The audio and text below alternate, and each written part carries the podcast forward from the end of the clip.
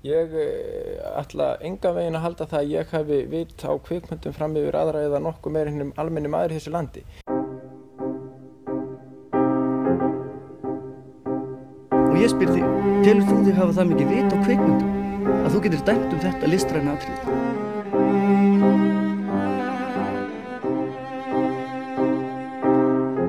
Velkomin í hlaðvarp yngra stjarnar, ég heiti Björn Þór Viljámsson. Fyrir því má færa rauk að hráttveginn á kvítatjaldinu eigi rætur að rekja til þíska expressionismans í kvikmyndagerð og væri greinin því cirka haldið á aldar afmæli sitt um þessar myndir. Í þessum þætti verður sjónum beint að síkildri nútíma hráttvegju, The Texas Chainsaw Massacre sem frumsýnd var árið 1974. Með mér í þættinum til að ræða um keðjusagamorðin er Greg Burris, dósent í kvikmyndafræðum við American University í Beirut. Greg er bandarækjamaður og þátturinn verður því á ennsku og yfir á það mál ætla ég að svissa núna. Hello Greg and welcome. Hi, how's it going? I'm good, thanks. This is the second time you come on.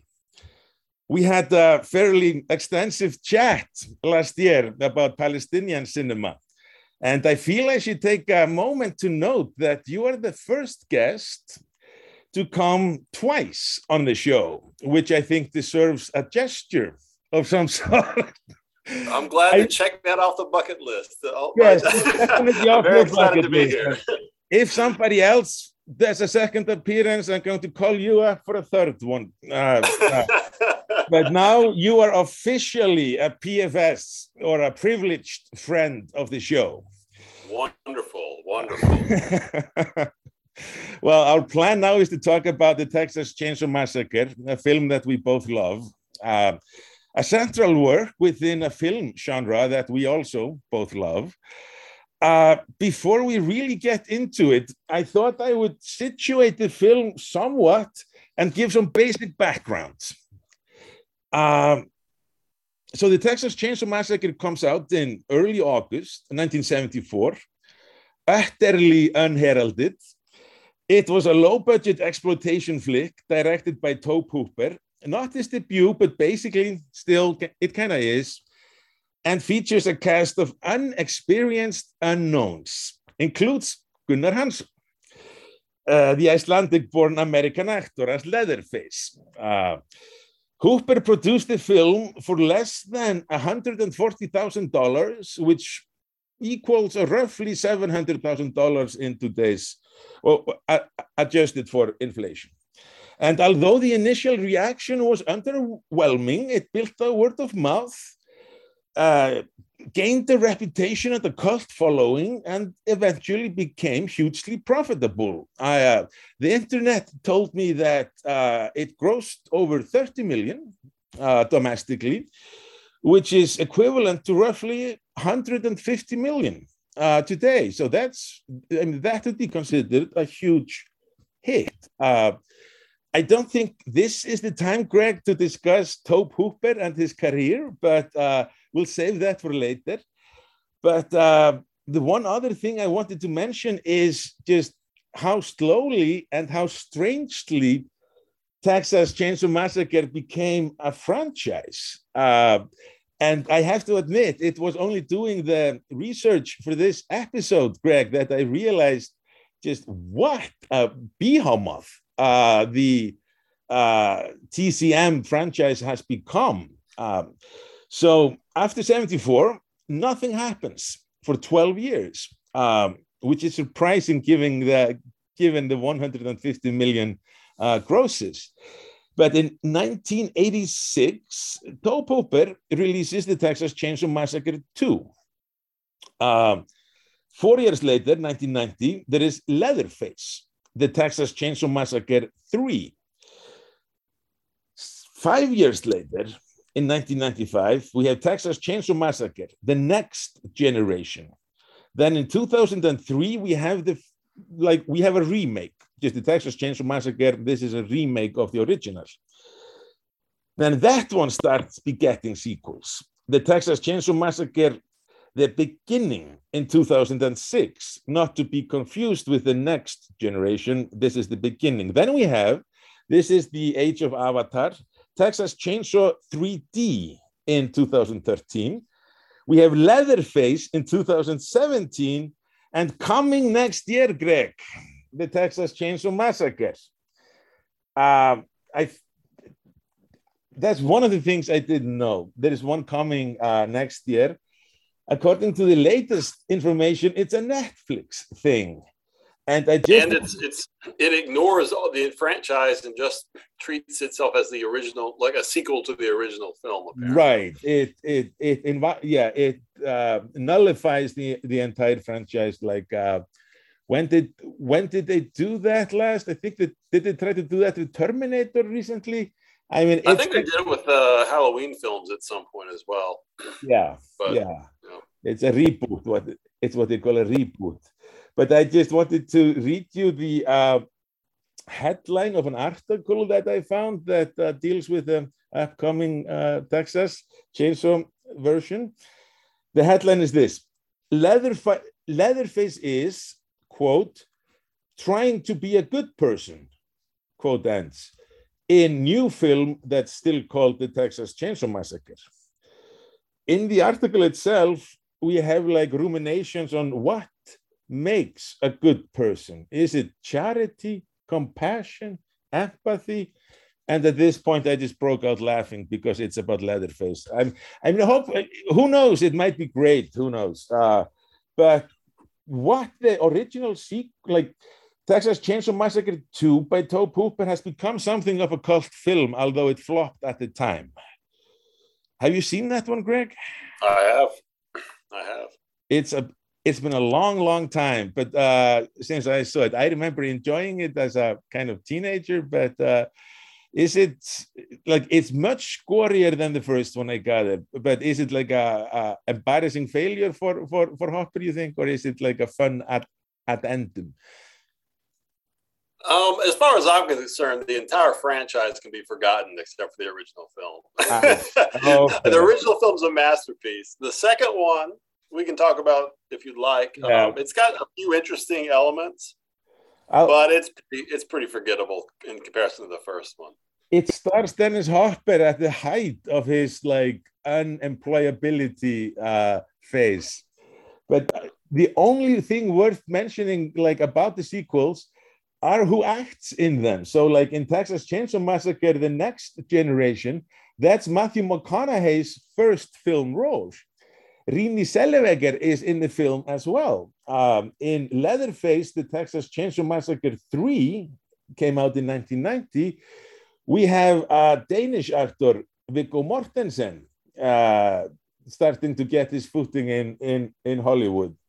But I was just amazed that the 2003 Yeah. remake grossed 103 million. Like that's a huge box office.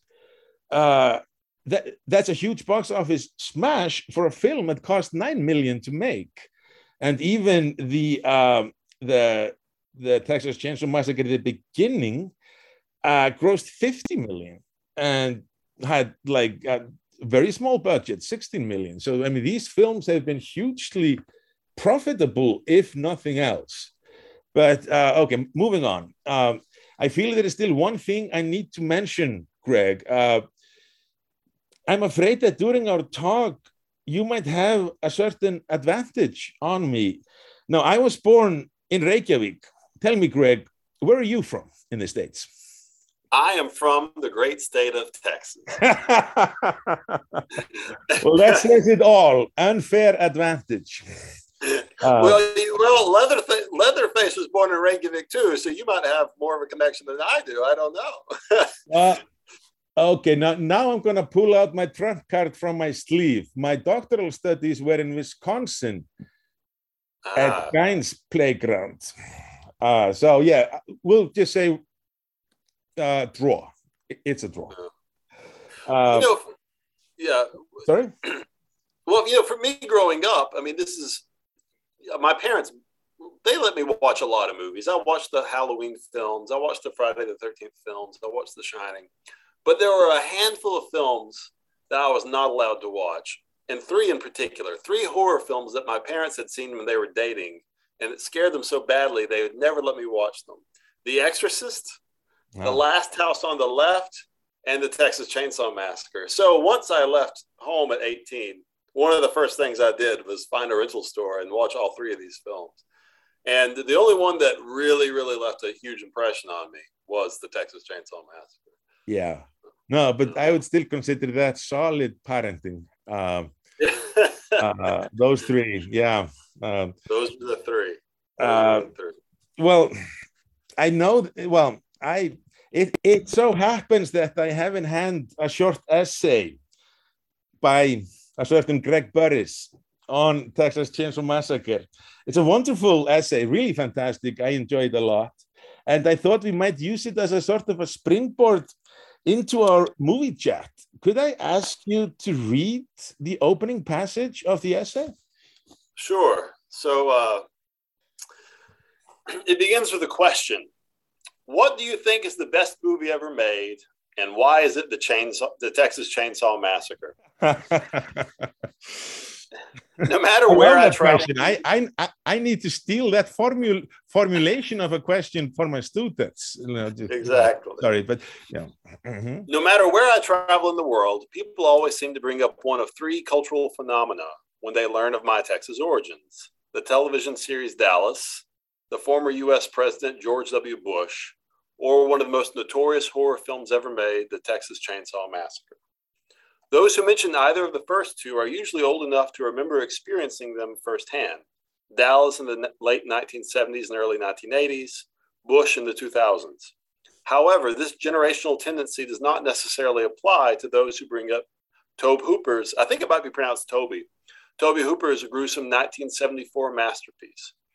Indeed, I vividly recall one time in Istanbul when a group of Turkish teenagers learned of my birthplace and asked if the Texas Chainsaw Massacre was based on a true story.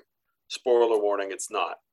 Just as the horror of that film, its barbecued flesh and its swirling chainsaws has transcended the locality of my home state, so too has it transcended the era of its production.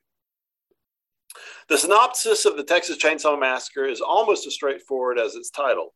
A group of young adults are wandering around rural Texas in a van looking for their old family home. They eventually stumble upon a decrepit mansion inhabited by a family of deranged cannibals, including the film's most iconic villain, the appropriately nicknamed Leatherface.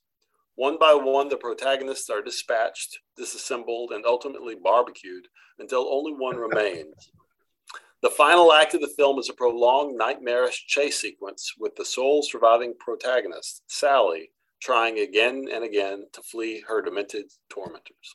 So that's how the essay begins. Yeah, no, and we also now have a plot synopsis for those whose memories of the film might be a little fuzzy. Uh, I myself just rewatched the movie for um, for our our pod, and it had been a while since I saw it, a long while. I'm embarrassed to, to specify how long, but uh, I just knew I loved it, but it blew me away. I mean, this film is phenomenal, as we'll get into. Uh, my first kind of thoughts uh, uh, after seeing the film, uh, which was two nights ago, was I started to like place it in the horror canon, and in Psycho, much like much as happens in TCM, uh, the characters find kind of trouble by dint of their own actions. They're even warned away from going where they're going and doing what they're going to do. Uh, and the, it's the Sawyer family. Am I? I think that's what they're named in the sequel. It's a sequel. Well, the cannibal family doesn't hunt them down. They don't go to the and like Leatherface isn't out in the cornfields looking for victims. Uh, and this reminded me of like Marion in Psycho. She she she Norman Bates is almost like come comeuppance after her uh, criminal uh, after she ste- ste- steals the money at the beginning. Uh, much like her, the hippies seem kind of like drawn to their doom in some fashion. Uh, now, as a horror motif, this one changes. Uh, in Psycho and Texas, you go looking for trouble. Uh, in the slasher film that kind of follows, and Texas Chainsaw Massacre is often considered uh, like a seminal uh, or originary point.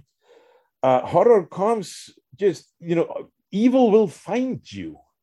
Uh, in Halloween, Black Christmas, Friday the 13th, just it comes jason and michael they find their victims. They even travel across country long distances as in halloween to find their find their victims. And and today everything is mixed up. I mean in like uh, jordan peele's films uh, evil comes from within in heredity it's genetic uh, how do you see uh, greg? I mean where is Texas Chainsaw Massacre in this uh, kind of like sketch of motifs and themes and and narrative structures? Uh, uh, and how did how did it influence the genre? You think because it's really it's really like a starting point. It's it's it's one of the very first ones of its kind. I think. Yeah, I mean, I think uh, I think one of the good ways to understand Texas Chainsaw Massacre is to situate it not only with respect to horror, but with with respect to like New Hollywood. You know, we don't mm. often think about The Graduate and Bonnie and Clyde and Easy Rider with in the same in the, at the same time that we're thinking about films like Texas Chainsaw Massacre, but they, no, they really don't. come out. we most same, definitely don't. Yeah, but they come out at the same moment. They they, yeah. they, they, really do come out of the same moment. They, oh, sure. they have a lot of the same underlying values, I think. Sure. Okay. Uh, like this is interesting. I don't think I've, I don't think I've come across this uh, uh, uh, like connection before. Yeah. What in in what sense do you think? How, uh, what are the sensibilities that you think uh, TCM shares with? Uh, I mean, aside from the obvious one of censorship, yeah, easing well, I mean, again, you, and making all this possible, what are the sensibilities that you can that you see uh, uh, being shared? Well, I think I, I think early on in the film, there's a couple of clear indications of where it's going politically and ideologically. I mean, it starts where you hear the uh, the news. Yeah, you hear you hear all just the terrible news, almost like they stole uh, um, some headlines from 2021 and they're playing them. It's just like terrible headlines, terrible headlines, it's terrible news. It's a litany so, of catastrophes, really. I yeah, mean, it's, yeah, okay. It's creating a very terrible world and a oh, disgust yeah. with the world. Um, and then once they the film gets started, you have this uh, hitchhiker that they pick up who's been working at a slaughterhouse, or he's yeah. been at the slaughterhouse, and this whole notion of people who have lost their jobs because of mechanization of labor, um, and, and the slaughterhouse no longer employs the people it used to employ, and you know the way capitalism is destroying mm. society just like all the bad news headlines are destroying society. And so you have that kind of very, very pessimistic, negative view of, of modern day society, which is shared by all the new Hollywood films. Sure. Think about Bonnie and Clyde, one of the best scenes early in the film. They go and they shoot up the house that's been bought by or has been taken back by the bank. And the person who used to mm-hmm. live there picks up a gun and starts shooting out too and smiles. Like right. Uh, this people who are losing losing their livelihood, people who are um, disgusted with you know which way society is going. I mean that's shared by Texas Chainsaw Massacre. Mm. Um, and it's shared by New Hollywood it's uh yeah it's uh it's a bleak world i mean even before we meet the uh what is yeah the family the tone those i mean this is over the credits i think and the credits yeah. themselves are pretty terrifying uh because well we should note maybe that uh the film starts off with uh with a voiceover the film which you are about to see is an account of the tragedy which befell a group of five youths, in particular Sally Hardesty and her invalid brother Franklin. It is all the more tragic in that they were young. But had they lived very, very long lives, they could not have expected, nor would they have wished to see as much of the mad and macabre as they were to see that day. For them, an idyllic summer afternoon drive became a nightmare. The events of that day were to lead to the discovery of one of the most bizarre crimes in the annals of American history the Texas Chainsaw Massacre. And we are told that uh, this is based on a true story and it's going to be horrifying. And had the, the, people involved in the story lived, they would. So, so we're told it's a true story. Then the uh, uh, uh, newscast comes on, and we see something very strange and very grotesque uh, going on simultaneously. Am I remembering the credits correctly? I, I'm, no, you're correct. You start seeing uh, flashes of like a camera bulb, and you start seeing flesh. Flesh, um, yeah, in very bad shape, and you have no idea what's going on. So you're disorientated, and all you know is that the world you're entering is very bleak and very dark, and and perhaps very very threatening as well. And mm. uh, I mean, there is something about like for me new hollywood is like it, it all comes down to realism uh, that you explore and try to uh, apprehend via various formal techniques and it's a bit like because i mean the censorship quota that had controlled film production in the states from the summer of 1934 onwards basically uh, infa- infantilized American cinema in so many ways. If they hadn't had the like narrative expertise, the star system, and the production facilities, plus the distribution, worldwide distribution system, their films quickly became just ridiculous, I think, for just a worldwide audience. They could not show adult relationships, they could not curse, they could not show a toilet, they could not show husband and wife together in bed, they could show nothing. And they always had to be like a children's book. Good always has to win over evil. Crimes always have to be shown. This is like if you contact a publishing company and you say, I want to write children's books, and you get guidelines, the production code would be those guidelines minus the misogyny and the racism. When this stops, everything goes crazy because not only can you now just make films like the rest of the world has been making for like 20 years and Japan has been making since the 30s, uh, the world has suddenly gone to shit again after the after the enormous prosperity of the uh, 50s and 60s or 40s and 60s. It, it, was a perfect storm. The censorship laws you're referring to, the Hays Code, as it was called, you know, it, it starts to fall apart in the early 60s. Um, and, you know, you mentioned one of the things that you couldn't show is a toilet flushing. Yeah. Which is one of the reasons I think that's the reason why there's that long shot of a toilet flushing in Psycho. In Psycho, no. He was flushing away the, the Hays Code. That's, so you have uh, that's Hitchcock sending the finger. yeah. So you have the Hays Code breaking down, but at the same time, the studios are going bankrupt. They don't know what to do. So they're just kind of giving money and cash to these new film brats, the first ever class of people who've actually graduated with film degrees, people like Martin Scorsese and Spielberg and Brian De Palma and the rest. Um, technology is cheaper for the first time you can actually buy a camera and start to actually be able to use it in, in, you know mobily. You can make your own movies. So all these things are coming together and then you have social struggle vietnam war black power second wave feminism and the rest. And it creates this it creates this environment where you have films like texas chainsaw massacre or easy rider.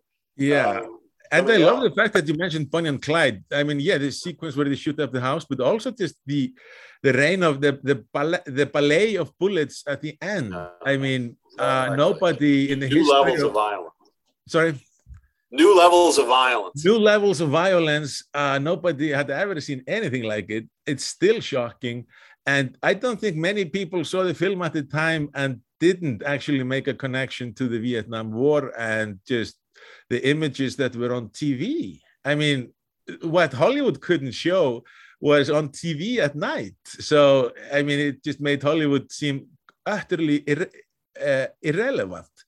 And uh, I mean, the first thing I noticed when I was rewatching the film, and I know that the 17 uh, year old me completely missed this scene, maybe started paying attention when he takes out the pocket knife and starts cutting himself. But I think like the film starts with those hippies in the van and there's a hitchhiker and they're like, should we pick him up? Some people are like, uh, some of them are like, no, we don't pick up hitchhikers. He, lo- he looks weird.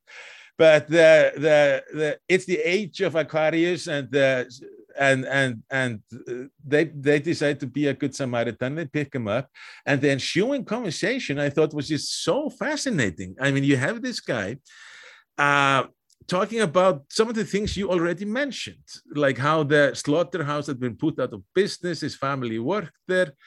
Uh, you start to suspect when he pulls out the camera and and uh, seems to be like uh, like a he sees he seems to think of himself as a as a photojournalist who can then sell his photos without quite re, with, with, without realizing anything about how that works when he starts when he shows them a photo and asks for like two dollars for it.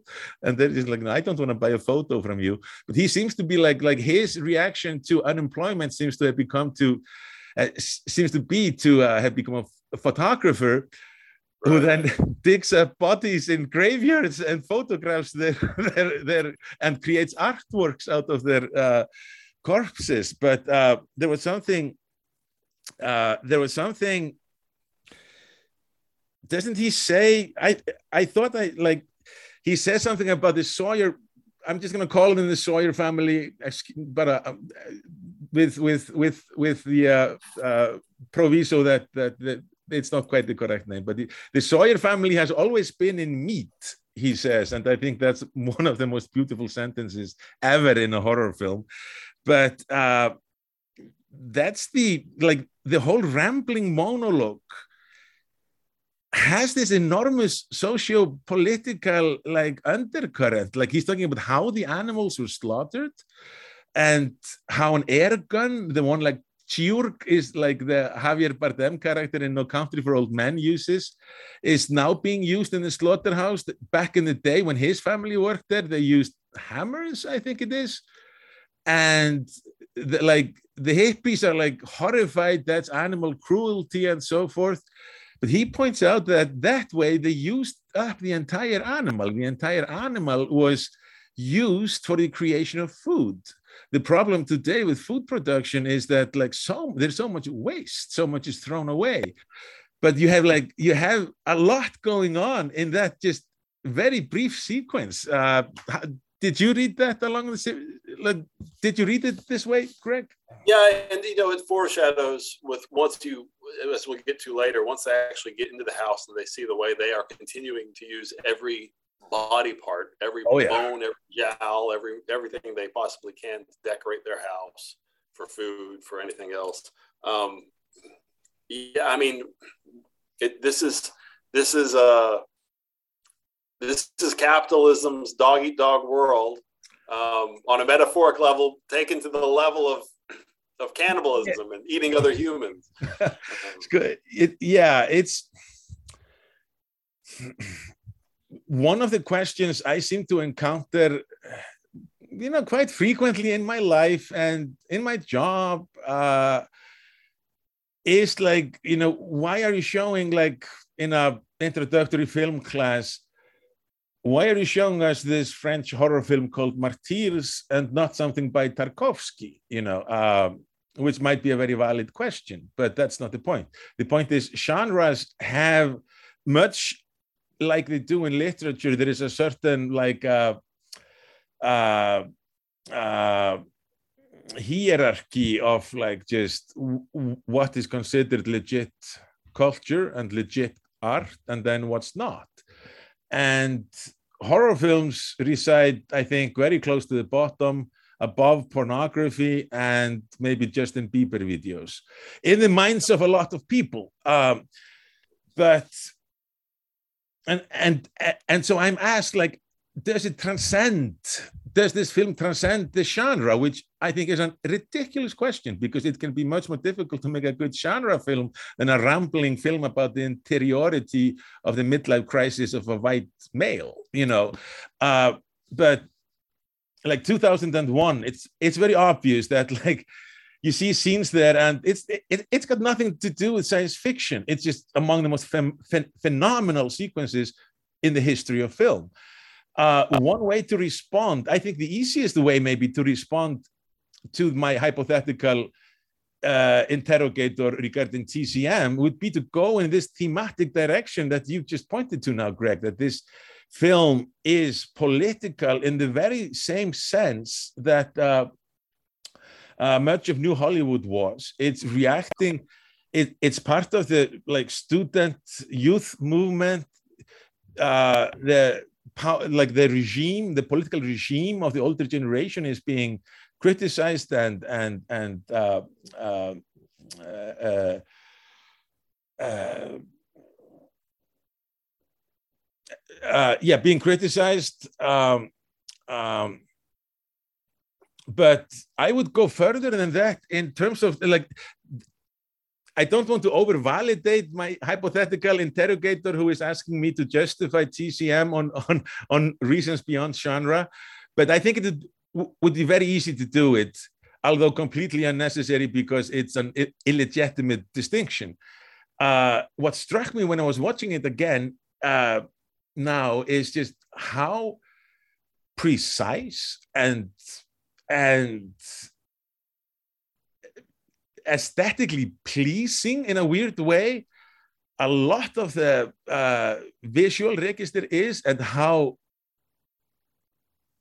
amazingly thought out the scène is. I mean, this is the most terrifying abode of people in any film ever. You go in there and you're just like, you're immediately just terrified because the camera and the mise en scène together create a sense of not unease, but sheer shrieking terror, not just in the hippie that is screaming, but like I had, like Halloween takes an hour before like Michael Myers does anything, which is not a fault. It's it's a it's a fantastic lead up, but this film makes you just terrified really quickly, and then doesn't let go, and anyone who thinks that's an easy, effective response to call forth is yeah. not, of course, right, but also does not know me personally. I've been watching horror films for like 35 years and one of the things i regret is like i i become nostalgic for the terror i felt when i first saw suspiria when i was 14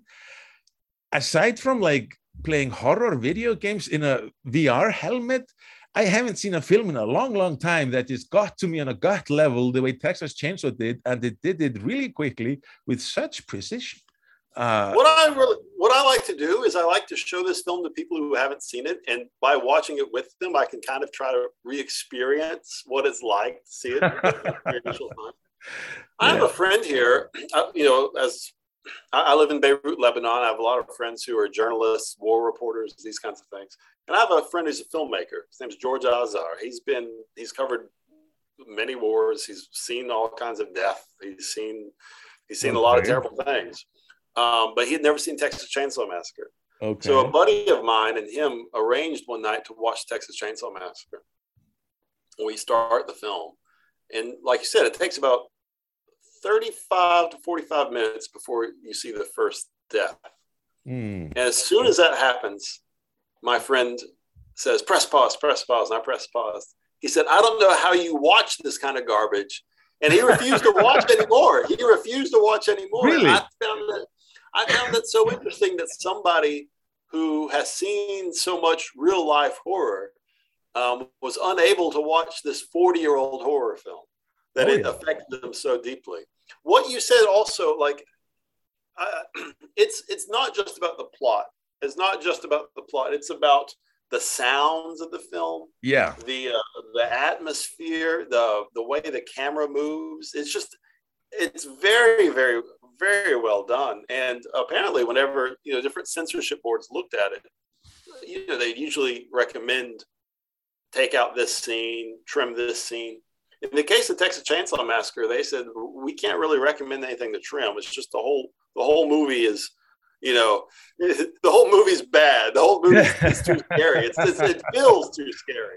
It's not and like cut out bits from the shower sequence in in in, in Psycho. Yeah. no, and and, because and sorry. Yeah, I mean, there's like the the image that people have of this film is it's like it's extremely bloody. It's bloody as hell, It's- which it is It's not. not. It's, It's not bloody at all. not.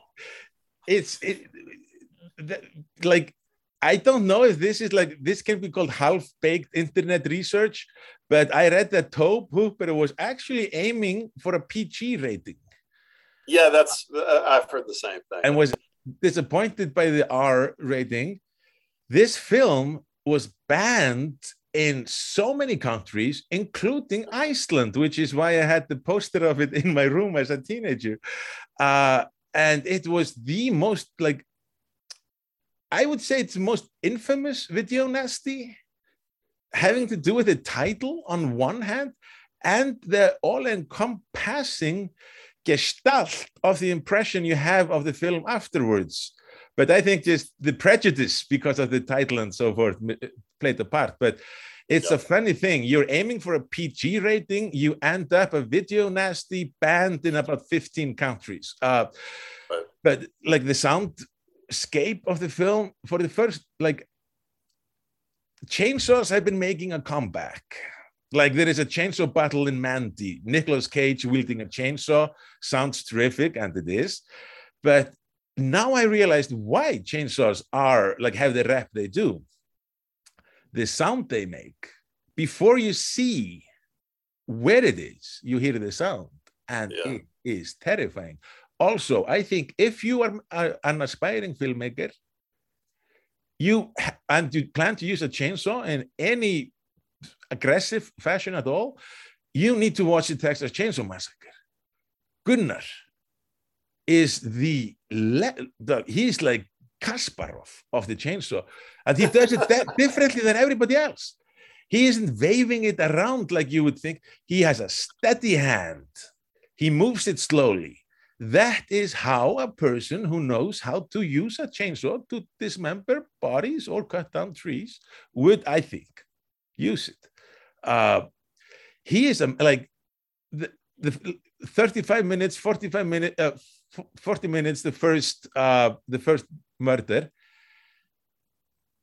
It struck me so hard that it's different from every slasher film subsequent and every murder is that way because what happens in the first murder is that the guy is opening a door and immediately you have Gunnar Hansen with a chainsaw and he kills him in the span of five seconds forced Yeah. like just really quickly and Gunnar Hansen I'm again half-baked internet research and you might also ask why would an Icelandic born actor be there well he emigrated to the states at age five uh, but that, but like his acting skills or what his life experiences have nothing to do with it. He was a huge guy. He was six foot three, and I think he was also put in like uh, three inch heels, uh, boots. I mean, we could call them the Bono boots to honor the chubby Irish rock star who made Springsteen wait for half an hour because he couldn't find his uh, three inch platform shoes. But he's put in platform shoes as well. So he fills out the door because seeing a person who fills out that door now i'm not a small person but i don't think I fill out a door and i don't do it in the way gunnar does it gunnar is also the master of filling up doors you see him filling up the door and then cutting down the first victim and having seen a thousand horror films it's still like two nights ago i just jumped in my chair and this is like the Eden of jump scares because today jump scares are degenerate.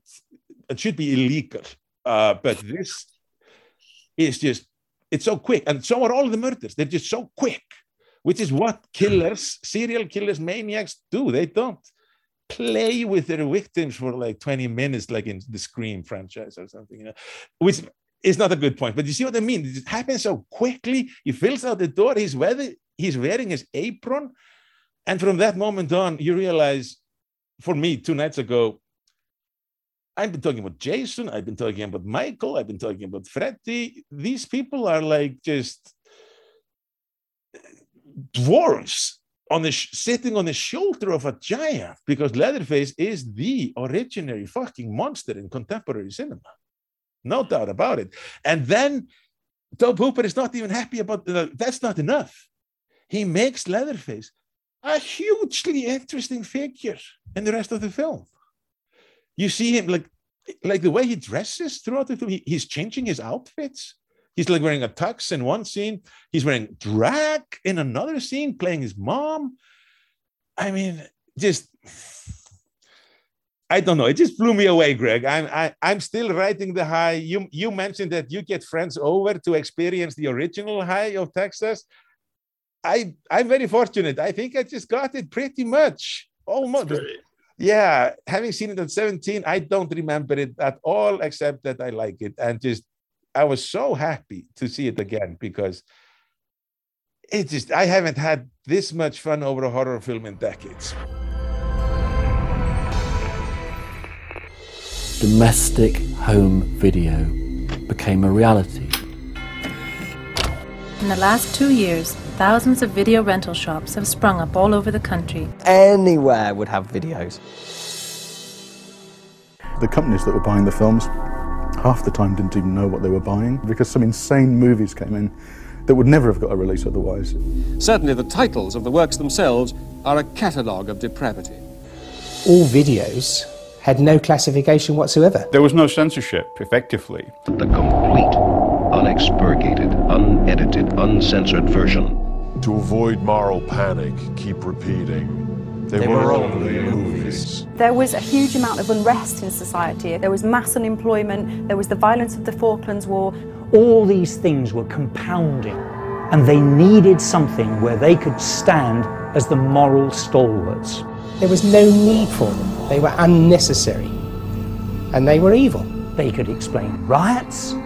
They could explain deviation. They could explain child abuse. They could explain rising crime, all kinds of crime. Video nasties were a general purpose explanation of moral decline. I guess it would be good to talk a little bit about um, just kind of the, the horror context. I mentioned New Hollywood, but um, the, the thing is, you got to remember about horror film from the 50s and the 60s or early 60s is the monster was like from Transylvania. You know, the monster is this this thing that has no relation to normal society. It's this other from another planet or from like another continent. It's Dracula. It's the mummy. It's the it's the creature from the Black Lagoon and then really beginning with Psycho in 1960s, it's the boy next door. Um, it's the good Leave It to Beaver kind of uh, Boy Scout who turns out mm-hmm. to be a mm-hmm. monster. Mm-hmm. And and this continues with other films like Targets. Um, it continues with uh, all the great horror films of the era, and and then Texas Chainsaw Massacre does this as well. You have two houses. You have the house where all of the the protagonists are trying to go to. It's the old family home, and then next door you have the mirror house. Oh, you think is, it's the former house that is the horror house because that one looks like the horror yeah. house. Yeah, but, but they, are they're mirrors of each other. They're mirror yeah. images of each other. It's once again, it's like it's looking at us. It's looking at our society. It's looking at you know uh, the the people who are making your food. Yeah. Um, no, I think that's a wonderful point. Yeah, you had Bela Lugosi coming from Romania. You had you had these creatures like the the the monster is so unlike us that it, it is actually like alien. It, it's it's it does not belong to our culture at all.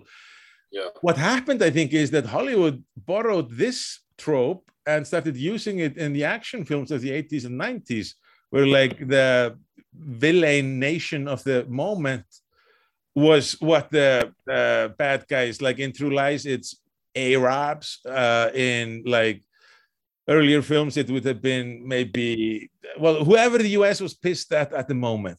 That was the yeah. nationality of the villains in the action uh, blockbusters of the 80s and 90s. Uh, but yeah, I, I think Psycho is is uh, I mean, uh, it's such a seminal film because I, mean, I know of no earlier example that just literally uh, moves the monster inside normality and just uh, aligns it perhaps with masculinity like just the man like, like masculinity issues you know mommy issues in that instance um, and it, and it continues i mean all, the, these things is the moving into normality into masculinity, mommy issues, all that. Uh, Psycho unleashes that.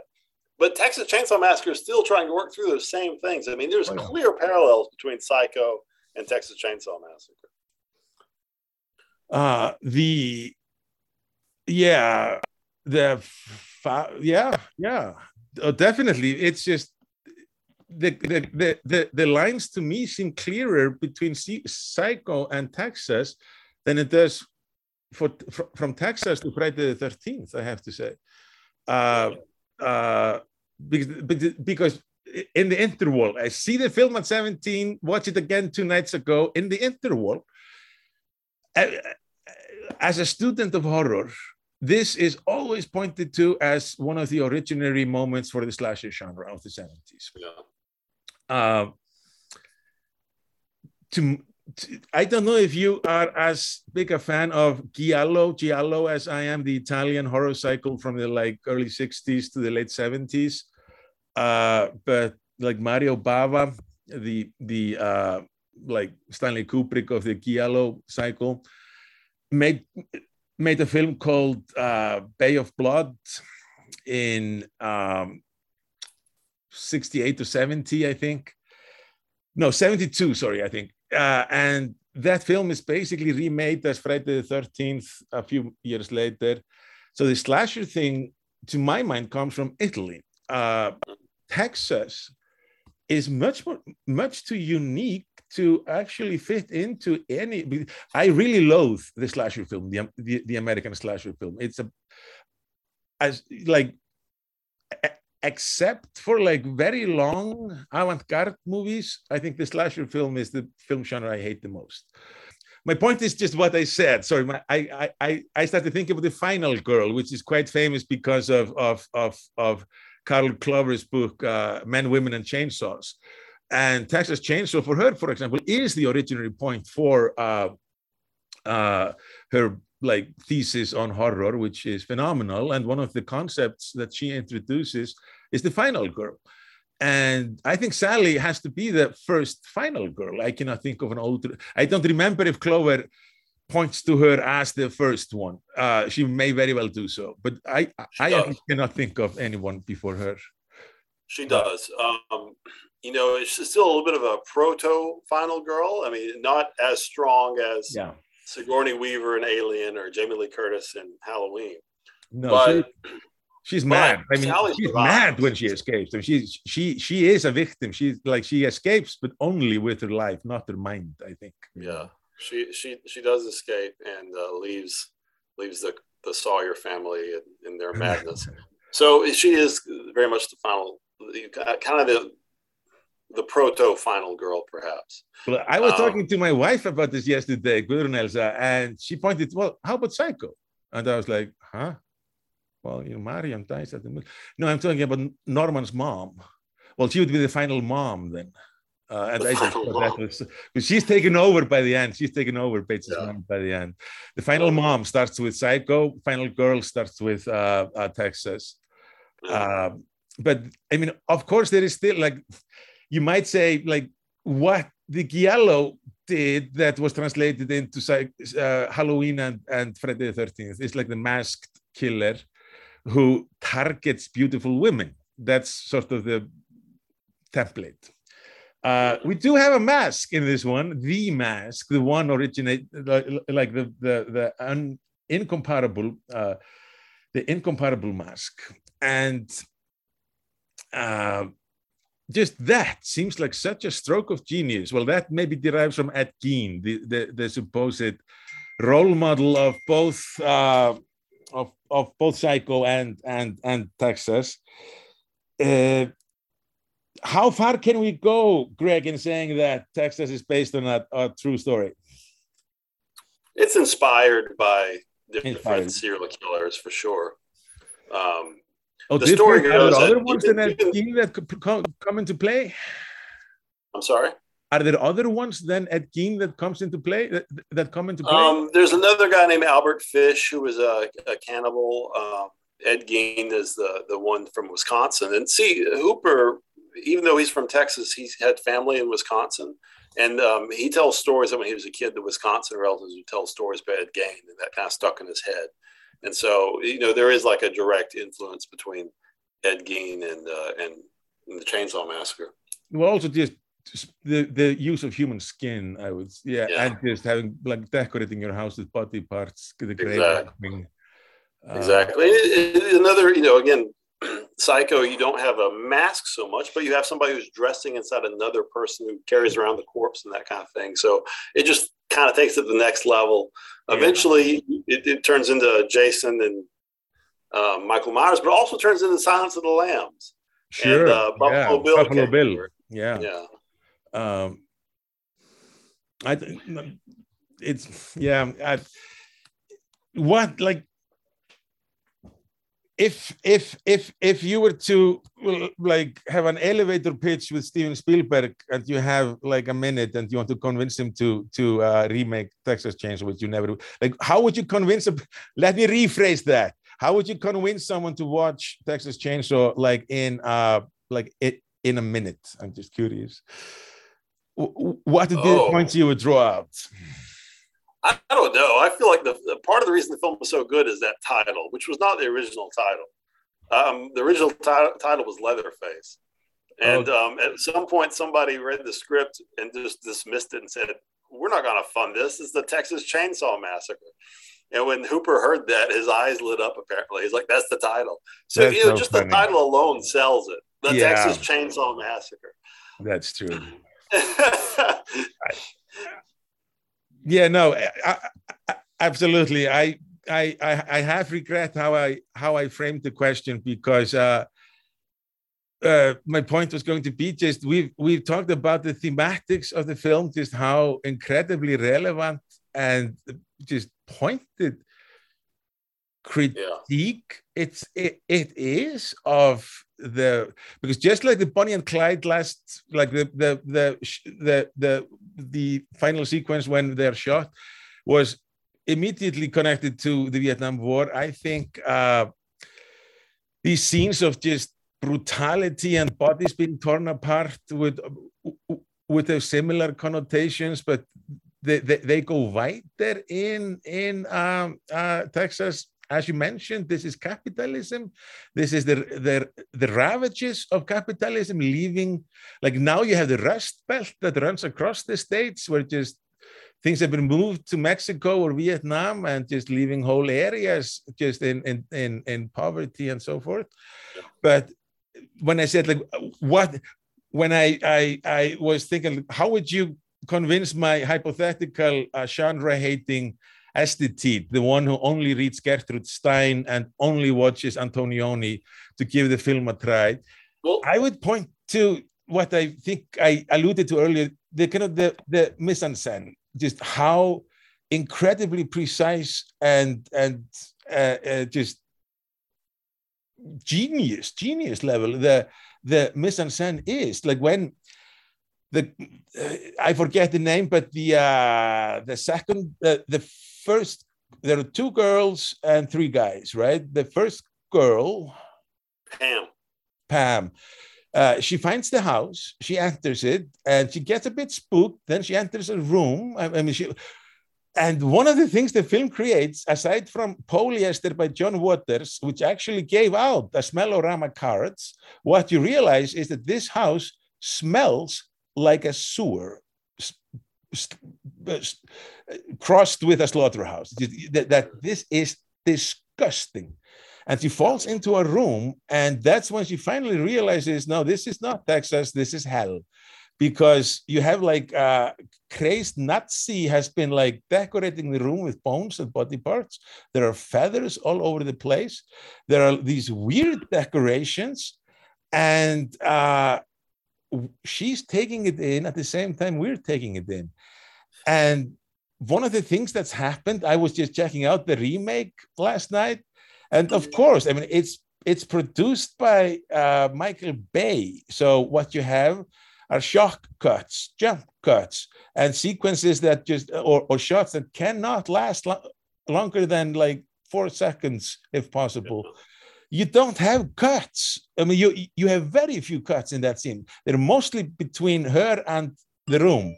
When you are in the room, you uh, have pans, long, slow pans, and you have uh, zooms, slow, slow zooms. And that I have to say approximates like human perception much more closely than these wild Hollywood cuts of today, where you have to like show Cuba Gooding Jr. talking to Tom Cruise at most from like two seconds from any angle, you know, cut, cut, cut, cut, cut. And There's this, so many, sorry, yeah, there's so many great little details. Like even in that scene you're speaking of, she looks up and there's a bird cage. Yeah. But there's no parakeet, there's no lovebird or anything like that. There's a chicken. They look like a pet chicken inside of a bone cage. You know, Yeah. just such a in that moment you see the the pet chicken, you just know that whoever these people are, they are sick. You know, so these little details like yes. Yes, And I think this is this is real me thinking aloud here, but I think this is part of the reason why, in my opinion, the rest of the films of the franchise are so subpar. Is because the formula of the film it can't be reduced to the plot elements. Like Right. largely, you can do that with Friday the Thirteenth or Halloween. You like you have the plot killer comes, kills this person. You know, like teenager has sex, so they have to die. You, you Right. have like like you have like the, the formula, and you just replicate it. And you know, Halloween two isn't as good as Halloween one, but it's good.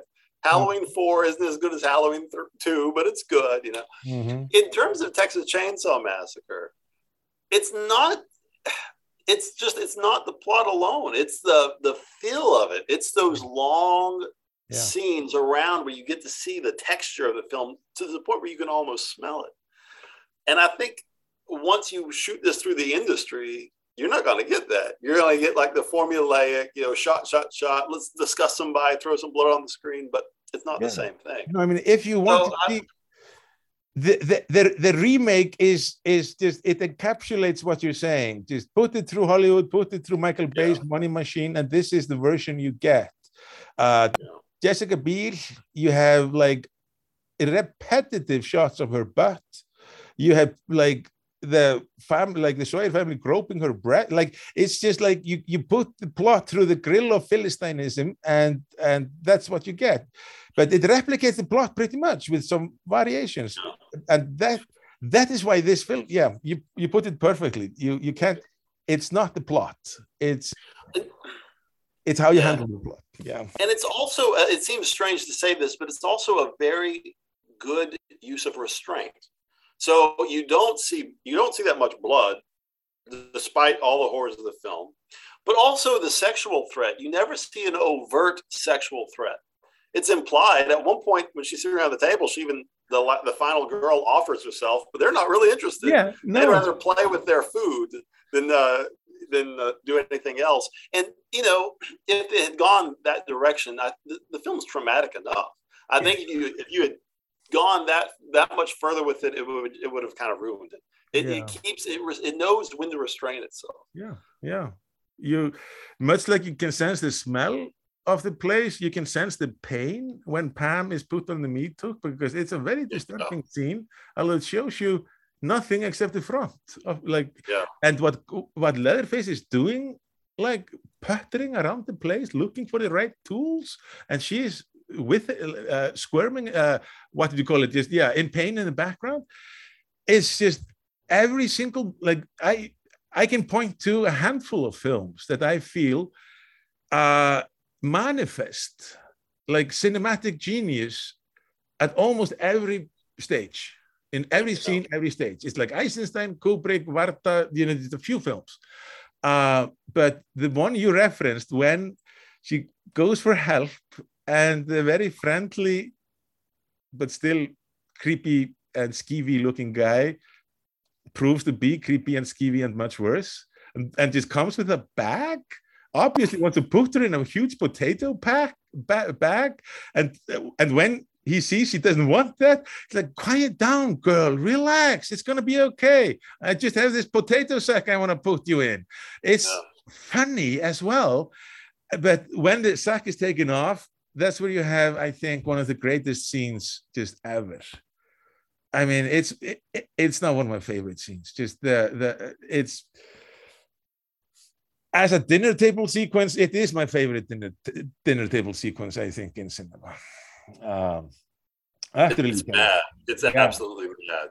And the close-ups on the eyes, where you can see even the blood veins in the eyes. I mean, uh, it's it's it's it's really really wild. and the squabbling, the family is squabbling all the time. It's just, Well, that's actually something I want to point out. Like a few years ago, my ex-wife was a was a middle school teacher, and she used to collect. She was interested in children's literature, so she collected a lot of uh, children, like more progressive children's books.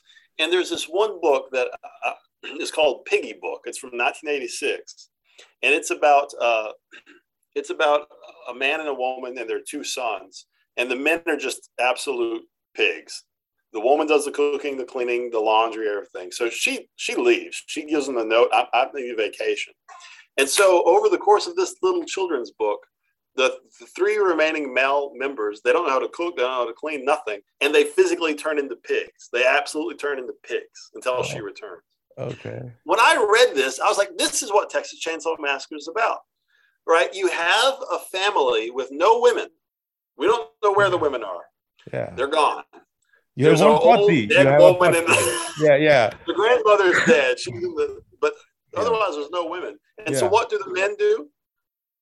They fight with each other. They're messy. They're messy. I mean, they throw stuff everywhere. They're Yeah. mean.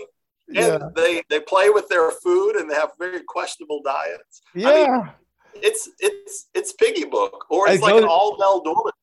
The choose the easiest path. I mean, getting a job and getting money and going to the grocery store takes time. Just grabbing someone is quick Yeah, exactly. You know, Uh, just grab it and eat it. That's funny, but there is one other point I thought about because we we we mentioned New Hollywood and the, and- and the Vietnam War a couple of times. There is something about just uh, how like this continues into the slasher genre, but just as with everything that's fantastic about giallo that gets tr- translated into the slasher genre, this being translated loses all content, all signification, all significance, and becomes just a moronic like uh, cliche. But that is the idea of, of like just crimes against youth. Like there is some, like crime. This is a crime being committed against youth, young people. Uh, they're slaughtered. What was happening in Vietnam? These old fucking madmen were starting a war, sending 17 year olds out to die in the thousands. Uh, the, what the, the what the victims represent in the film because it's very obvious they're hippies. The, the very first conversation is about the age of Aquarius passing. Uh, they're being punished for like sex, drugs, and rock and roll. Like they are killed, much like the youth revolutionary culture of the 60s came into place because of Vietnam, and then they killed 100,000 of them. You have that in TCM and you have that in slasher films, but then, but in slasher films it becomes moronic. In TCM, you, it has a political, huge political bite, and as with like the greatest filmmakers, it's implied. It's complete subtext. It's never uh, like the the news radio in the beginning. It's not just going on about Vietnam. Uh, so just I mean, there are so many reasons to love this movie. I I just I I just wanted to maybe to well we have if we start wrapping things up I, I I found a review of the Texas Chainsaw Massacre that appeared it was shown in cinemas here. Then when video came and the censorship started it was banned like in in like two seconds. But the uh the the the review is like the the the headline is in the realm of the uh, in, in the realm of tastelessness. And uh, it says uh, let's go it, it it starts off by saying like films today are kind of like just crap. But the the cinematic the, the, the film freak that just appeared in cinemas now uh, in Laugarásbíó takes the cake. Why would anyone show such utter disgustedness inside a movie theater in this country or anywhere else? It's a mystery to me, the reviewer says. Uh, this is entertainment for retards and it goes on but i mean this and like this is him warming up. Yeah. This, that was the second paragraph. It yeah. it, it, it, it goes on from there. Uh. it, it, i think it took it, i think it took critics a, a while to catch on. Watching it the first time was too traumatic. I have i should at least mention his name robin wood the film critic who oh yeah. um, really wrote about this film in a very very eye-opening way he's but he's writing in like 1977 or 78 after several years he's had to process this film and think about it. And at that point the shock of watching it the first time has gone away and you can actually start to digest it and analyze it. But initially i think most of the critics were more aligned to the one you just read where oh. it was just completely dismissed. Rob, robin wood of course is not a, a newspaper critic. He is one of the most famous film scholars of the 20th century I don't think film scholars have caught up with him yet because looking at there's a recent edition of his collection of horror writings and I had no idea this guy was writing about obscure Hollywood films no, so, sorry horror films through his career. It, yeah. not, not in real time but like they were still recent. And just I mean we both know the academy. It can take guts to just go outside of what is approved as culture. And back when he's doing this, cinema itself isn't even uh, viewed as a fit subject for university level teaching. So every film scholar that I know about, except him, is going to Eisenstein and Ozu and, and Bresson to justify film as a serious medium he's light years ahead of anybody. And the sequence, the, the passage in his essay when he compares the Omen to Texas Chainsaw Massacre and how he is clear about the Omen being, well, a decent film, but absolutely by the numbers. And it is, says flat out there is more cre creativity in like five seconds of Texas Chainsaw than in the entire mainstream Hollywood funded, studio funded The Omen. I mean, I love that essay, and I, yeah, absolutely. Yeah, that, that essay, without without any exaggeration, changed my life. I, I, didn't study film until I read that essay, and my politics weren't that far left either. But when I read that essay about Texas Chainsaw Massacre, um, I, I xeroxed it and took it home and re- read it a few more times and eventually became a film studies professor, I think largely because of that essay. Robin Wood, the other thing about him and, and that generation of film scholars is, you know, you read what they wrote and they, they had such good, close analysis of films. It boggles my mind to think how they did it because this was not a on-demand time where you could just like put the DVD in or download it. You had to go to the cinema to watch the film, and you might not get a second chance. So, how are they able to have such close readings of films at this time really is um, quite impressive. No, I mean he went to midnight screenings. I, I mean it seems obvious to me the way just his he he he, he name checks fairly obscure kind of fi- like horror films. Yeah. So yeah, R- Robin Wood. Um, uh, there is one thing like Tobe Hooper. Yes. Uh, as a director,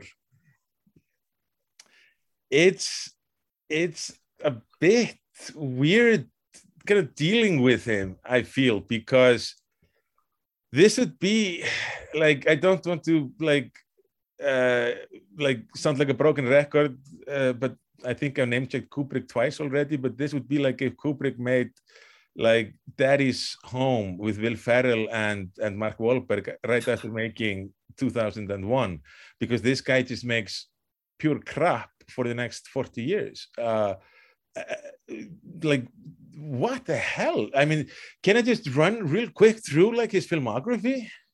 Yeah, sure. Because it's it's pretty pretty uh, Uh, it's grim.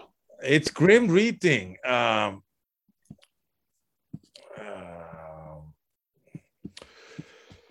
it's it's uh, sorry, I, I have my notes here.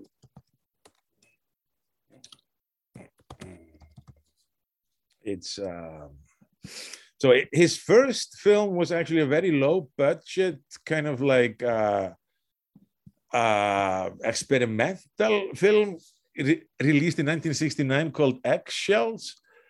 Then there comes a documentary called Peter, Paul, and Mary. The song is Love, very hippie-ish. We had the Texas Chainsaw Massacre in 74. Then in 76, another kind of like uh, uh, uh, grotesque. I mean, you can clearly see the connection to Texas Chainsaw in many ways, except that this one has all the like di di dynamic features, the liveliness, the humor, the talent sucked out of it. It's about a guy who feeds his victims to crocodiles down in New Orleans, I think. Comes out in 76, called Eaten Alive. The Funhouse, I haven't seen. Funhouse is okay. The Funhouse okay. is okay. Okay, that's that's 81. Oh, yeah, I've heard okay. good things about the Funhouse, come to think of it. Then comes his like biggest mainstream success, Poltergeist. I mean, I don't want to speak badly of Poltergeist. I loved it when I was 11 years old, and I've never felt the need to revisit it. But uh, fine film became popular, but there is a problem there. uh, have you, you've heard the rumors around uh, Poltergeist, right? Yeah, Steven Spielberg was the producer. And he, yeah, these, Apparently, he was kind of the director too. he had to step in or demand like he I- don't think he would have had to step in, but he thi- I, I think he he was very strong-willed, so he might have. I mean, people have been saying he stepped in and directed at least a substantial substantial part of the film uh, for Tobe Hooper. I don't think Tobe Hooper has ever actually given or like spoken about this in a way that that that like seems like a documentary uh, like a true document of what happened. And of course, Spielberg doesn't talk. But whatever happened, Poltergeist was a hit and people like it. Some people even love it. But then comes stuff. Lifeforce, 1985. You have uh, Victoria's Secret uh, models nude throughout the film as space vampires.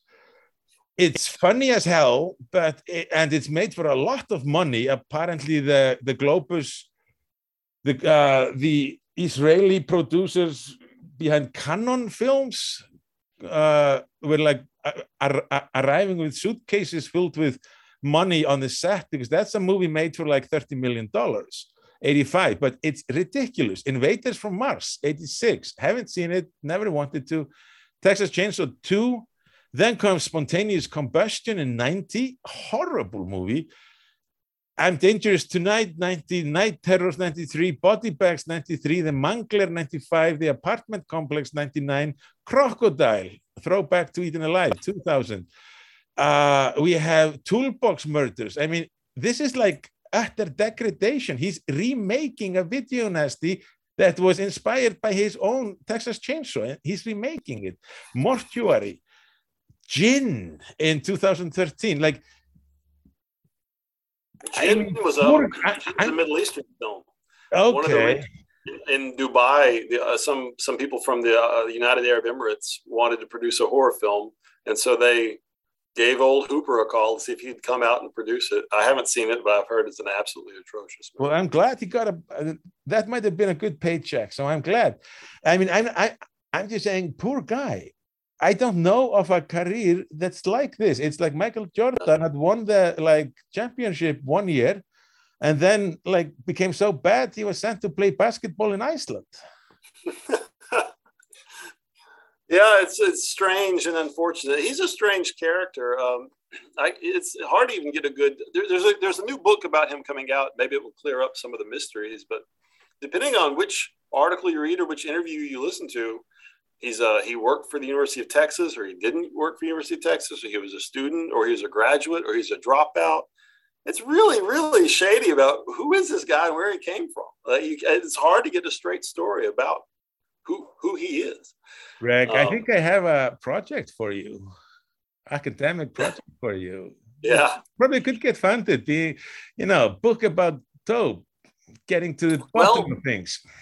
Well, um, I did get to meet him one time. Um, Really? in fact, I should mention this. I should. This was my best film screening of my life. Was the 2014? I think 2014. They had a they had a 40th anniversary screening of Texas Chainsaw Massacre down in Hollywood. I was living in California at the time, and so I'm waiting for the movie to start, and I go to use the restroom. And as I'm entering the restroom, out steps Tobe Hooper. And so I shot him a University of Texas hand sign, and he shot it back to me. I'm like, all right, I got a Texas hand sign from the director of Texas Chainsaw. Now I go in the bathroom. As I'm at the urinal, I look to the left of me, and William Friedkin is using the urinal, urinal next to me, the director of The Exorcist. Oh, And I had to say something. So I waited till we were washing our hands. And we're both washing our hands at the same time. And I said, Well, this morning when I woke up, I didn't know I would be at the urinal next to the director of The Exorcist. and he said, uh, you know, without without skipping a beat, he said, Well, sometimes dreams come true. um, and then when I was on my way back to my seat, I ran into Elijah Wood. And I thought this is the best, uh, The Hobbit, you know, or uh, Yeah, this is course. the best bathroom break of my life. I I don't think you'll ever top that bathroom break. I mean, that's that's quite something. What happened was true.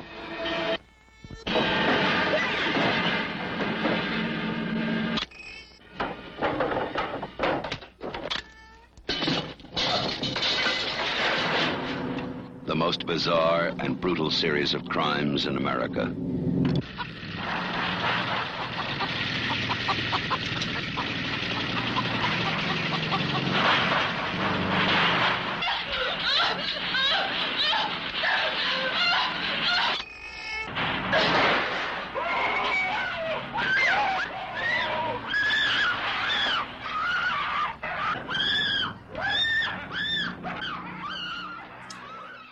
I mentioned at the top that one way of uh, narrativizing the history of the horror genre would be to trace its beginnings to German Expressionism.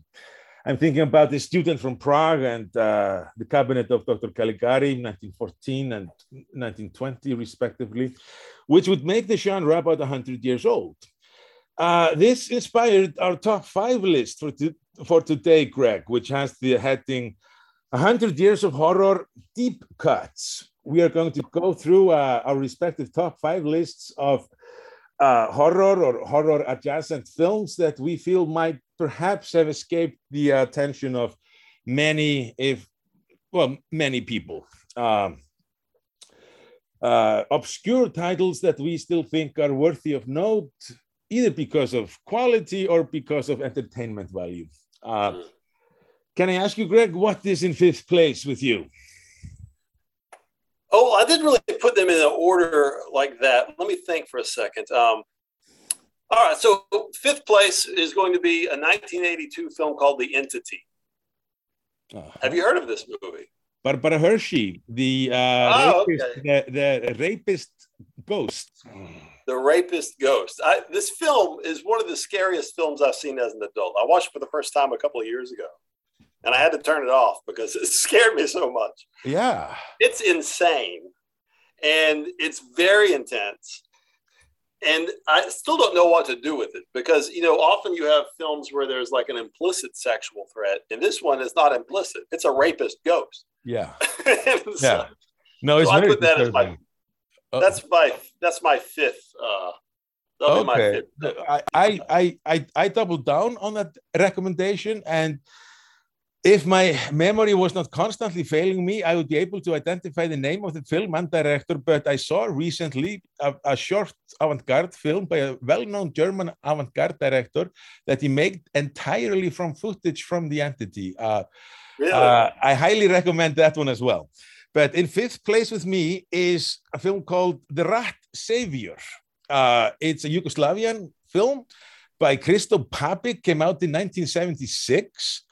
Uh, it, it, it the, the plot is that a poor writer, kind of despondent, it's not happening for him, uh, discovers that a species of rats has banded together to impersonate humans and supplant them unnoticed in a manner of like the film kind of reminds me a bit about the rhinoceros by Ionesco, uh, Ionesco, uh, or even the co covert conspiracy of the invasion of the body snatchers, but it's like much. It, it, it's like a loony version of that. There is an episode in Rick and Morty where uh, Morty like gets a machine that uh, that allows him to, to become Dr. Dolittle and and understand the voices of animals. And he walks past birds or like saying singing, "I'm so happy, I'm so happy." He passes squirrels, and what he hears is like. Uh, the economy, the economy of Argentina is shaky, but we still need to devalue the currency. Syria didn't fall, but we need to watch the Kurds and stuff like this. So the squirrels are actually controlling the world. The Illuminati is not like lizards, but squirrels. And they notice that Morty is listening to them and the squirrel security apparatus is, comes out. So it's a bit like that. It's crazy, but it's hilarious. Uh, number if four. That's, if, if that's your fifth cut, I cannot wait to hear the other four. I, I believe your deep cuts are far deeper than mine. I have to admit. but it's well, okay. I'm also putting them in order of, of, of of like importance. So if you can only watch one of my deep cuts, please watch number one. Uh, but if you have time for all five, yeah. Um, so four for you. Um, well, I think for number four, I will go with. Uh, again, it's not nearly as deep as what you're doing, but George Romero is famous for doing the zombie films, and a lot of people don't watch his non-zombie films. He did a film in the 80s I love called Monkey Shines. And nobody talks about this movie. Have you seen Monkey Shines? Is it, it's a paraple, uh, like yes. a, uh, sorry? Yes, it's about a paraplegic man who gets a pet monkey to do all of his chores for him. But there's a connection between them. And the monkey starts murderously acting out his repressed fantasies. Okay. Um, it's a great film. It's still treading the same waters of like late 60s, early 70s political themes, even though it's in the 80s. Um, I love it, and it doesn't it's, get watched or remembered very much. It's really great. Yeah, no, it's uh, he and Stephen King were close friends, and uh, he would collaborate with King on several films. He had this really good period in the 80s, I have to say, and uh, George, George Romero did. Uh, my number four is a double bill. Um, or a triple bill if you want to turn it into a triple bill. I'll, I'll say it's a triple bill. Uh, you start off by watching uh, Virgin Spring by Bergman. Then you take Last House on the Left. This is quite like people know about this double bill. It's it's a fantastic double bill, but you add the third one and you're in for a treat. It's called Last House in Istanbul and came out in 1974 and is like uh, if you want to like if you ever wondered how like people would make an exploitation film within a regime of religious censorship that forbids any kind of like violent or tra tra transgressive images this is what would happen so it's like an experiment in like Lars von Trier once did this film the five uh, obstructions this is like an explo exploitation film with like a hundred obstructions, and they still did it, which is admirable. Uh, wow. Last House in Istanbul, number three for you. So number three for me, I went with a more recent film. It's called Dachra. it's a Tunisian film. Um, Dachra means village in Tunisian dialect Arabic. It's very much a film that is done in the spirit of Texas Chainsaw Massacre um, okay. you can see the influence of Blair Witch Project. You can see the influence of just all the classic horror films. They're there. But it's unique because when the film came out, nobody in Tunisia wanted to screen it. This filmmaker basically mortgaged his house and sold his car to make this film, and then nobody would screen it. So then the film went around Europe doing some film festivals and had some success. Okay. So then when they played it in Tunisia, it was a huge success it broke all the records. The the highest grossing Tunisian film in the last, I think, 20 or 25 years. Okay. And so I, I, love this story, and it's a, it's a good film. I mean, it's it's pretty rough. It's pretty. It's got cannibalism and witches and uh, murder. Sounds so uh, yeah. No, no idea. I have to I have to check this one out. Terrific. D A C H R A. Okay. Okay, for, for for our listeners, there will be a, an article about this episode on Hugrás, uh, the uh, Hugvísindastofnun Háskóla Íslands vefriti þeirra. Uh, and these titles will be uh, so hugras.is and and all these titles will be listed there. Okay. Uh, number uh, uh, mm, three for me is The Stolen Life or Hän varasti elämän by uh, Arne Tarkas. It's a Finnish film from 1962 and it's kind of famous for being the Finnish psycho. Um, uh, an irritable and a grumpy accountant decides to steal money, the payroll of his company, and then he goes on the run, and bad things start to happen, and people start to die. Uh, it's it's thematic and it's uh, like visual motifs and moments and stuff that like yes Tarkas had seen Psycho and he wanted to do like he he he wanted to shake up the Finnish uh, cinema audience, and this is actually a very good film. So recommend that. The Stolen Life from 1962, Finnish. I'm loving these these recommendations. well, ditto. Same to you. Uh, no, no, yours are far deeper. But I'm proud of my next two. I think you'll like my next two. Okay, number two. So number two is a great movie that again I don't hear anybody talking about. 1981 film called Tattoo. Okay. You know this movie? No, I, I don't. It stars Bruce Dern, one of my favorite actors. He plays a Vietnam vet turned tattoo artist who becomes obsessed with a woman. And so, like any good American man, he kidnaps her and tattoos her and just keeps her keeps her locked in the house and every night adding more tattoos to her body as his way of putting his mark on her and making him her making her his. Um, it was written by the script was written by the daughter-in-law of luis buñuel whoa. You um, are rocking my world. I mean yeah, every, yeah sorry? Keep it going. was it, it's it's not easily available. Um, it was protested at the time because you know the the poster had a woman with tattoos all over her tied up by the ankles. And so there were people protesting outside theater. I wonder why. Yeah and, uh, and, bruce dern is I, I, love bruce dern. He is like, like one of the best actors to come out of new hollywood. I mean he's fantastic. Yeah, yeah he's he's really good in this film so Everybody who knows me well knows that I am both in like I, I fear and loathing uh, that's my view of tattoos. I, I just I, I fear them, I loathe them, and so this sounds like a horror film specially designed for my like weird quir- quirks. Yeah. Uh, love it, absolutely love it. Um, but yeah, I should mention for our listeners that some of the films we mentioned might not be that widely available or easily e- easily available. But if you know uh, a digital pirate, they might be able to help you. Uh, so my uh, number two is a film called Auntie Lee's Meat Pies. It's from 1992, and it's like there is a special subcategory subcategory of horror film that I very much like, and that's horror films made by people from the porn industry. And uh, this is one of those. Uh, this is the second and final attempt by the porn company Excalibur Films to go into the general release market. And what you have to do here, you, you have to stay through the first half because the second half doesn't only reward you, it showers you with rewards. It gets so weird, it gets so, it goes abstract, surreal. There's an adult baby in a crib made out of bones.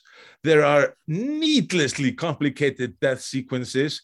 So if you're a fan of the horror genre, you ever wondered how like the people in in in, in California who work in the porn industry would like understand horror and present horror, this is one indication.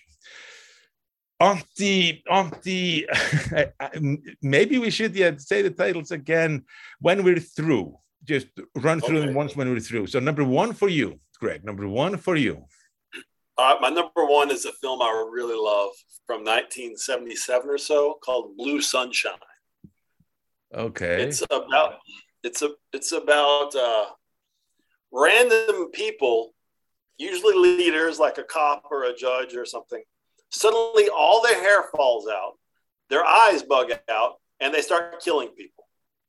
and it turns out that this is a delayed effect from a bad batch of acid they had in the 60s. the acid's called blue sunshine. Okay. Um, it, so you have all these ex hippies who have become sellouts. They've all become established leaders of society, turning into monsters. It's okay. there's also a porn element. The lead actor is a porn star who's just trying to make it into the big leagues. Okay. Um, it's it's an excellent film. The director is a guy named Jeff Lieberman. All of his films are good. He did the film called Squirm, which was about killer worms. Worms, yeah, I saw Yeah. that. Okay, so yeah, I have a double bill set for next Friday from your list, Greg. That's fantastic. Uh, No, Blue Sunshine is an excellent. It, it, it's it's it's an excellent movie, and it's very strange. Not as strange as your deep cuts, but strange.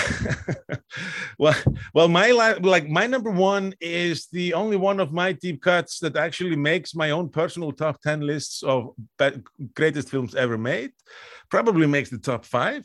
Uh, it's called the Crema- Cre- Cremator. It's directed by uh, Juraj Herz. It's part of the Czech New Wave. It comes out in 1969 it's it, it, it has the distinction of being uh, banned both by the like li- liberal post like uh, like the the liberal regime and then the Soviet oppressive regime post uh, post revolution uh, re- repressive. So so it was not shown in uh, uh, it, it's a Czech film not shown in its home country until I think this century, but it's a stone cold masterpiece. Uh, the lead character, the crem, the crema, the cremator of the title of the title, who runs a cremation, is called Karel Kopfrkingl. And if there is a better name for a psychopath in in in movies than Karel Kopfrkingl, I would like to hear it. But this film is utterly terrifying. It's utterly strange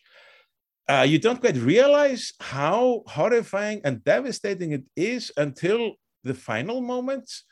Uh, but it's uh, it's a film I would uh, recommend to anybody, no, no matter their affiliation, genre affiliation. So that's our top five list. Sh- should we run through them briefly, Greg? Your top five from from five. Sure, sure. So I said um, The Entity, Monkey Shines, Dachra, Tattoo, and Blue Sunshine. Okay. For me, it was The Rat Savior, Last House in Istanbul, Stolen Life. Uh, then the one that people maybe have not heard of, Auntie Lee's Meat Pies, and at the top was Cre- Cremator. Um, I think um, I really like your list, Greg. Thanks so much for being No, on no, the show for the second time. You're a PFS privileged friend of the show. Uh, love talking Fuck to for you, me. Greg. Uh, speak to you soon. Bye bye. Thank you so much. Bye. Hljóðbrotin sem heyrðist í þættinum voru annars vegar úr The Texas Chainsaw Massacre sjálfri og svo stiklunni fyrir sömu mynd. Þá var brot spilað úr heimildarmyndinni Video Nasties, Moral Panic, Censorship and Videotape eftir Jake West sem útkom árið 2010. Í topp 5 spjalli okkar Greg, minnist Greg á hrottveikina The Entity sem kom út árið 1982 og var leikstýrt af Sidney Fury. Í því samhengi eh, reyni ég að minnast á kvikmynd sem ég hafi sjálfur séð og er úrvinnsla á The Entity en myndi meðan á þættinum stóð hvorki hvað myndin hver leikstýrðinni Eh, Þannig að ég ætla að reyna að bæta eins fyrir þetta núna. Ég var að vísa til myndarinnar Outer Space sem kom út árið 1999. Þetta er Peter Cherkas- Cherkaski. Peter Cherkaski. Eh, Þetta er stuttmynd, tilrunakend, úrvinnsla, endurvinnsla á The Entity, svona ramma fyrir ramma.